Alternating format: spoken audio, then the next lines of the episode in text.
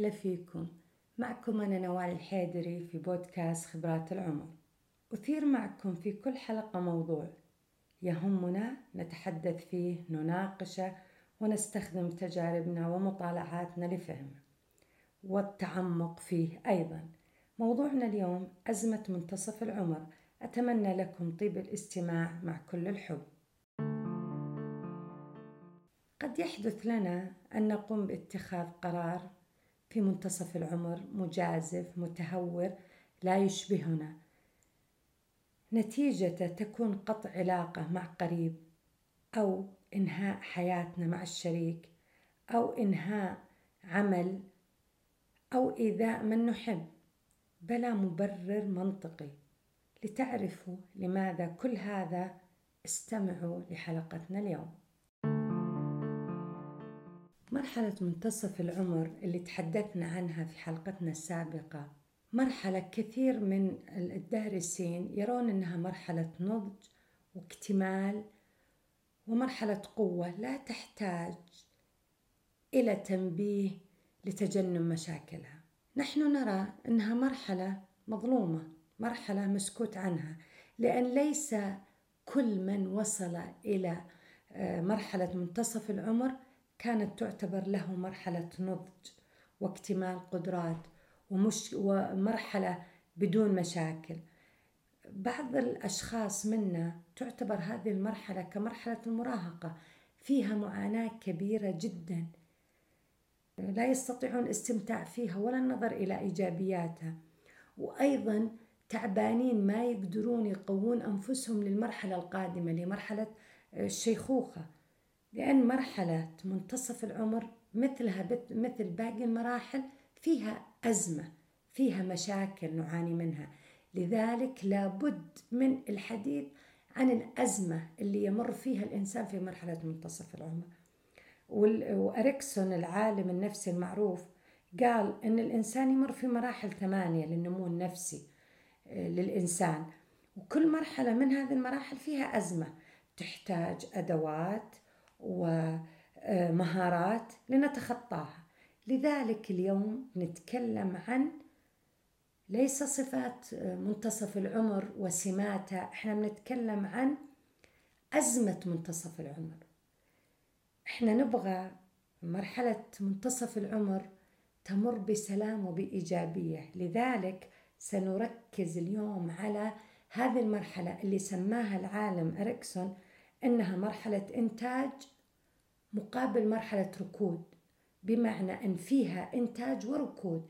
إذا سيطر الإنتاج عليها أصبحت مرحلة وفي وإيجابية ستمر.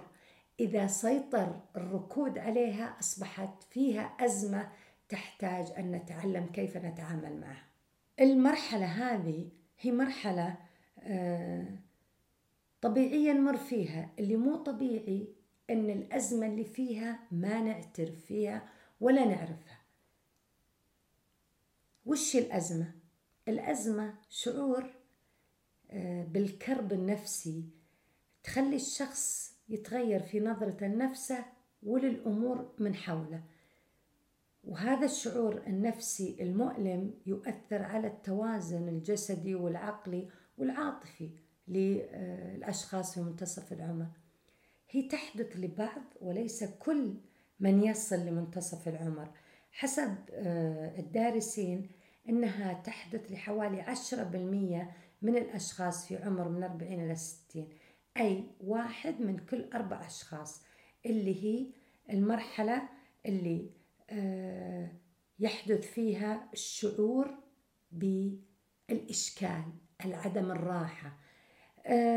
هي تكون آه، مدتها طويلة تحدث. بمعنى أنها إذا حدثت للشخص ولم يتعامل معها ولم يديرها بشكل مناسب قد تصل من ثلاث إلى خمس سنوات أو أكثر. الجميل أنها تعالج وتدار إن انتبهنا لها. ولكن اللي آه، ملاحظ أن هي تحدث بأسباب مختلفة. هذه الأسباب آه، تدخل فيها آه، عاملين مهمين جدا. العامل الأول نمط شخصية آه، الشخص في منتصف العمر والثاني الظروف الاجتماعية. ولكن بالأغلب يفجر أزمة منتصف العمر مجموعة من الأشياء ممكن إحنا نقول إنها قد تكون حدوث بعض العوامل الاجتماعية التي تشعر هذا الشخص بالعجز أو الضعف. مثل مشاكل صحية تؤثر على إنتاجه فيعيش أزمة منتصف العمر. أو فقدان آه، الشريك. أو مشاكل مع الشريك. أيضا مشاكل في العمل. كل هذه قد تسبب أزمة منتصف العمر. طيب وش مظاهرها؟ وش اللي يبان على الشخص عشان نقدر نقول آه، يعاني من أزمة منتصف العمر. الملاحظ أن كثير ما يسيطر على الشخص طرح أسئلة على ذاته مستمرة خلال اليوم آه، ماذا عملت؟ ما هي القيمة اللي أنا سويتها في حياتي؟ وش قدمت لنفسي؟ هل ضاع عمري بدون شيء محدد؟ هل تركت وضحيت في حياتي لينجح الأبناء أو ينجح الأخوان تبدأ هذه تسيطر عليه. أيضا آه، يبدأ يسأل ليش أنا أقوم بهذا العمل؟ آه، لماذا أقدم هذه الأعمال؟ ولماذا لم أقدم أعمال أخرى؟ أسئلة أسئلة أسئلة تتعب هذا الشخص. أيضا يسيطر عليه المقارنة نفسه مع الآخرين إنجازات الآخرين نجاحات الآخرين. إن كان هذا الشخص لديه نجاح وإنجازات يساعده في توازن وثقة بنفسه. يبدأ يقارن الآخرين آه، يقارن مع الآخرين. يقارن آه، ما قدموه وما قدمه. مواردهم المالية وموارده. يقارن شكلهم مع آه، شكله. يقارن ما توصل إليه الأبناء وما وصل أبنائه. يعني يقارن كل الأشياء اللي في حياة الآخرين مع حياته. وأيضا يقارن مكانته مع مكانة الآخرين.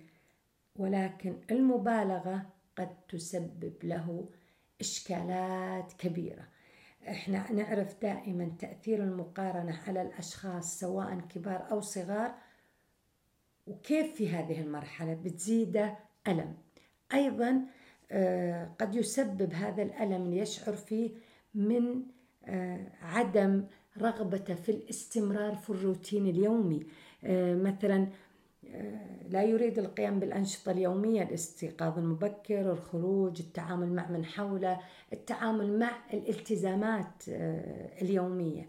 أيضا يبدأ يقلق بشأن الصحة بشكل مبالغ فيه والتركيز على أي ألم يشعر فيه باعتبار أنه شيء كبير يعيق حياته. أيضا يبدأ آه، الشعور ب آه، اختلال في العلاقات الاجتماعية يشعر بالوحدة بسبب كبر الأبناء قلة الأصدقاء قلة الشعور بالراحة مع الأقارب أحيانا. آه، انعدام الأمان بأن الشخص محبوب الشعور بأنه غير محبوب. أحيانا سبب أنه غير محبوب أو شعور أنه غير محبوب لأن آه، كثير الانتقادات آه، كثير الغضب لا يتحمل فدائما مستثار آه، يفقد أعصابه يفقد أعصابه بسبب أي تصرف يقوم فيه الشريك أو الزميل أو الابن أو القريب. يشعرون بالاغلب من حوله بالاختناق من انفعاله المستمر فيتجنبونه بذلك يشعر بالوحدة. إذا هي دائرة بدايتها أنت ونهايتها أنت. أنت تغضب من أمور بسيطة فيبتعد الآخرون فتشعر بالوحدة وهكذا. إذا آه أنت تحتاج اهتمام الآخرين فيك والآخرين يحتاجون اهتمامك فيهم.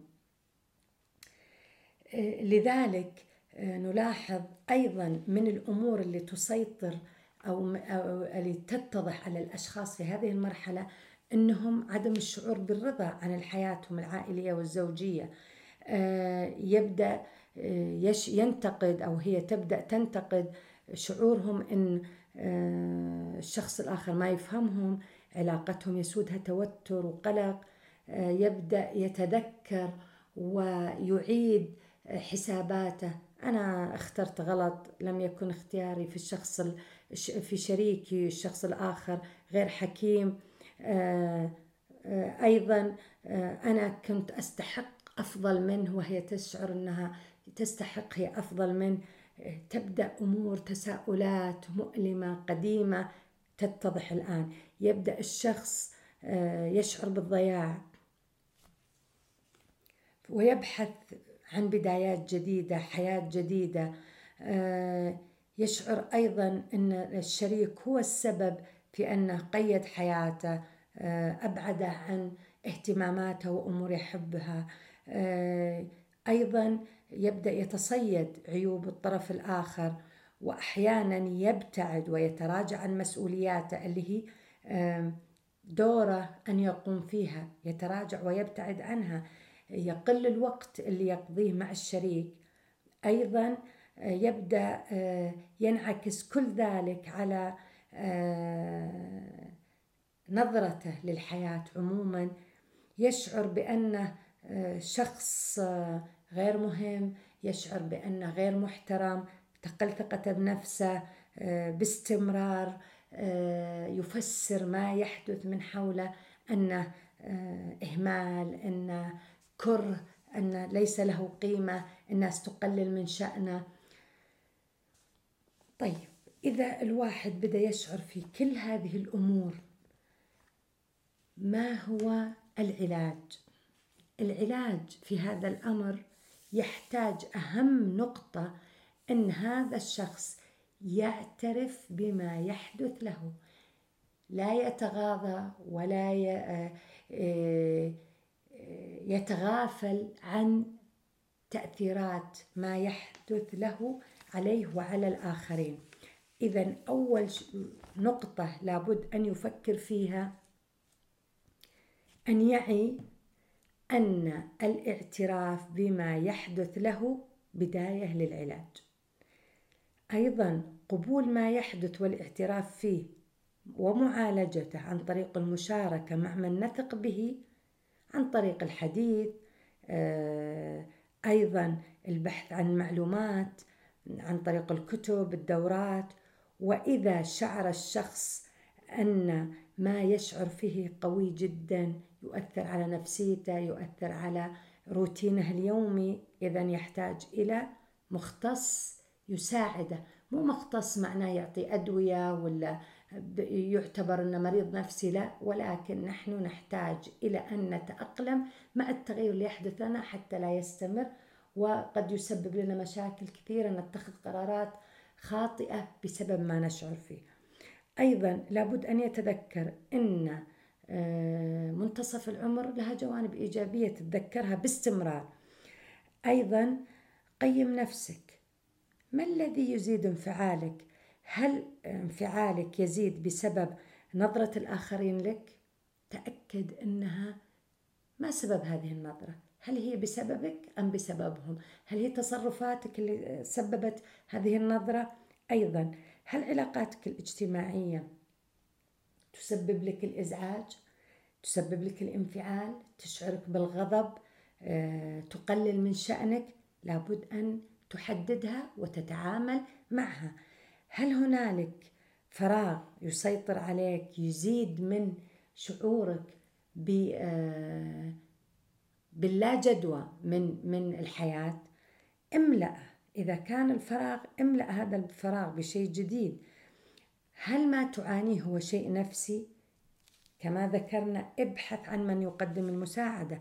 الآن المساعدة آه، أونلاين آه، عن طريق الكمبيوتر عن طريق التليفون آه، سهلة بعضها أيضا مجاني. أيضا ابتعد عن تأنيب الضمير المبالغ فيه. لا تتذكر فقط السلبي. اللي قمت فيه في حياتك. لا يوجد إنسان فقط يقدم السلبي. أنت قدمت أشياء كثيرة في حياتك إيجابية تذكرها. لا تستمرون آه، تأنبون أنفسكم آه، ما مفروض سوينا كذا كان مفروض سوينا كذا. الله سبحانه وتعالى آه، خلقنا وكتب لنا ما يحدث لنا. لذلك تذكر إن ما حدث لنا كان في الماضي. كان مكتوب. لابد إن إحنا نؤمن إن في أمور ما نقدر إحنا نتحكم فيها. ما نقدر نتحكم فيه المستقبل وليس الماضي. ما يمكن غيره اللي راح. آه، لذلك لابد نفكر كيف نقوي أنفسنا ونشتغل للمستقبل. أيضا نكون شاكرين للنعم اللي إحنا فيها والإنجازات اللي إحنا قدمناها. وش الأشياء اللي قدمناها اولا لوالدينا؟ وش الأشياء اللي قدمناها لأبنائنا؟ نتذكر إن إحنا عانينا فترة كبيرة من مسؤوليات و آه، المسؤوليات ما بين ما نقدمه لوالدينا من بر وما نقدمه من أب لأبنائنا من من أمور واجبات لابد أن تقدم. كيف استطعنا أن نوازن بين هذه المسؤوليات؟ واستطعنا أن نقدم ما نستطيع لأحبابنا. لذلك نتذكر دائما أن لدينا نعم وأن إحنا قدمنا أشياء نعتز ونفتخر فيها ونشكر الله سبحانه وتعالى عليها. تذكر هناك أشخاص لا يملكون والدين ماتوا ما عرفوهم ما قدروا يقدمون لهم الشيء الجميل. أيضا أشخاص ما عندهم إنجازاتنا أشخاص ما عندهم ما قدمنا. اجلس واكتب إنجازاتك اللي تتذكرها وخلها أمامك دائما. خلي الأشياء اللي أنت سويتيها الجميلة تفتخرين فيها أمامك أيضا تذكريها. الأشياء الجميلة مثل ما قلنا من أصغر الأشياء إلى أكبر الأشياء من اهتمامنا بأبنائنا اهتمامنا بأهلنا اهتمامنا بأنفسنا إنجازاتنا المجتمعية دراستنا اهتمامنا ببيتنا تربيتنا لأبنائنا كل هذه إنجازات. أيضا لا ننسى إحنا كشركاء كأزواج مساعدة بعضنا البعض لتجاوز المرحلة. حتى آه، تزدهر حياتنا أفضل. النساء تحتاج علاقات وتعاطف لتمر الأزمة اللي هي فيها. وأيضا آه، الرجال يحتاج تذكير بإنجازاته وما قدمه في حياته لزوجته ولأبنائه ولوالديه ليشعر بالتوازن. ولابد آه، أن ندعم بعضنا البعض ولا نحطم بعض ولا نأخذ ما يحدث لنا آه، أو للطرف الآخر بأمور شخصية عندما يتكلم بأسلوب يكون فيها غاضب. ليس أنا سبب الغضب والعكس صحيح لأن ما يحدث أنه يشعر بأمور آه، في داخله ليست موجهة لك أو لك. هي كأنها أحد الدارسين وصفها كأنها معركة عقلية تجعل الشخص يشكك في كل شيء من ذاته إلى الآخرين. أيضا تذكروا أن, أن ما نمر فيه يمر فيه من كثير من الأشخاص اللي في حياتنا. لذلك لابد أن نتشارك هذه المعرفة معهم ونستفيد منها. آه، أيضا لا نجعل منتصف العمر شماعة نعلق أي تصرف سلبي نقوم فيه ونقول لأني في منتصف العمر لأني أعيش في منتصف العمر تحملوني. يعني إحنا صارت في موضة معليش أنا في الأربعين تحملوا اللي يصير. أنا آه، كبرت تحملوني. لا إحنا لا رجالنا ولا نسائنا لهم آه، عذر في أن يبرروا أي تصرف انفعالي يقومون فيه بأنهم آه، كبروا ولا أنهم وصلوا مرحلة معينة. أيضا لا نتسرع بالحكم على أي شخص قام ببعض التصرفات بأنه يعاني من أزمة منتصف العمر. متى أقول أن هذا الشخص يعاني من أزمة منتصف العمر؟ إذا كانت ما ذكرناه سابقا جاءت مع بعضها البعض هذا واستمرت ست أشهر على الأقل هذا نعتبرها أزمة منتصف العمر. ولكن عندما يغضب شخص ولا ينفعل ولا يتألم ولا يكتئب قد يكون في أزمة معينة مشكلة معينة وليست أزمة منتصف العمر. إذا إذا ما ذكرناه سابقا من مظاهر جاءت معظمها مع بعضها البعض استمرت لمدة ست أشهر إذا هذه ممكن نقول إنها أزمة منتصف العمر. تحتاج تدخل وتحتاج علاج. يقال اقرأ ما ينفعك ونضيف انتفع بما تعرف وتسمع. فبعد أن تشاركنا المعرفة ندعوك لاستخدامها وتطبيقها ونتمنى لك حسن الحال. كنتم معي أنا نوال الحيدري في بودكاست خبرات العمر. نلقاكم على خير ومودة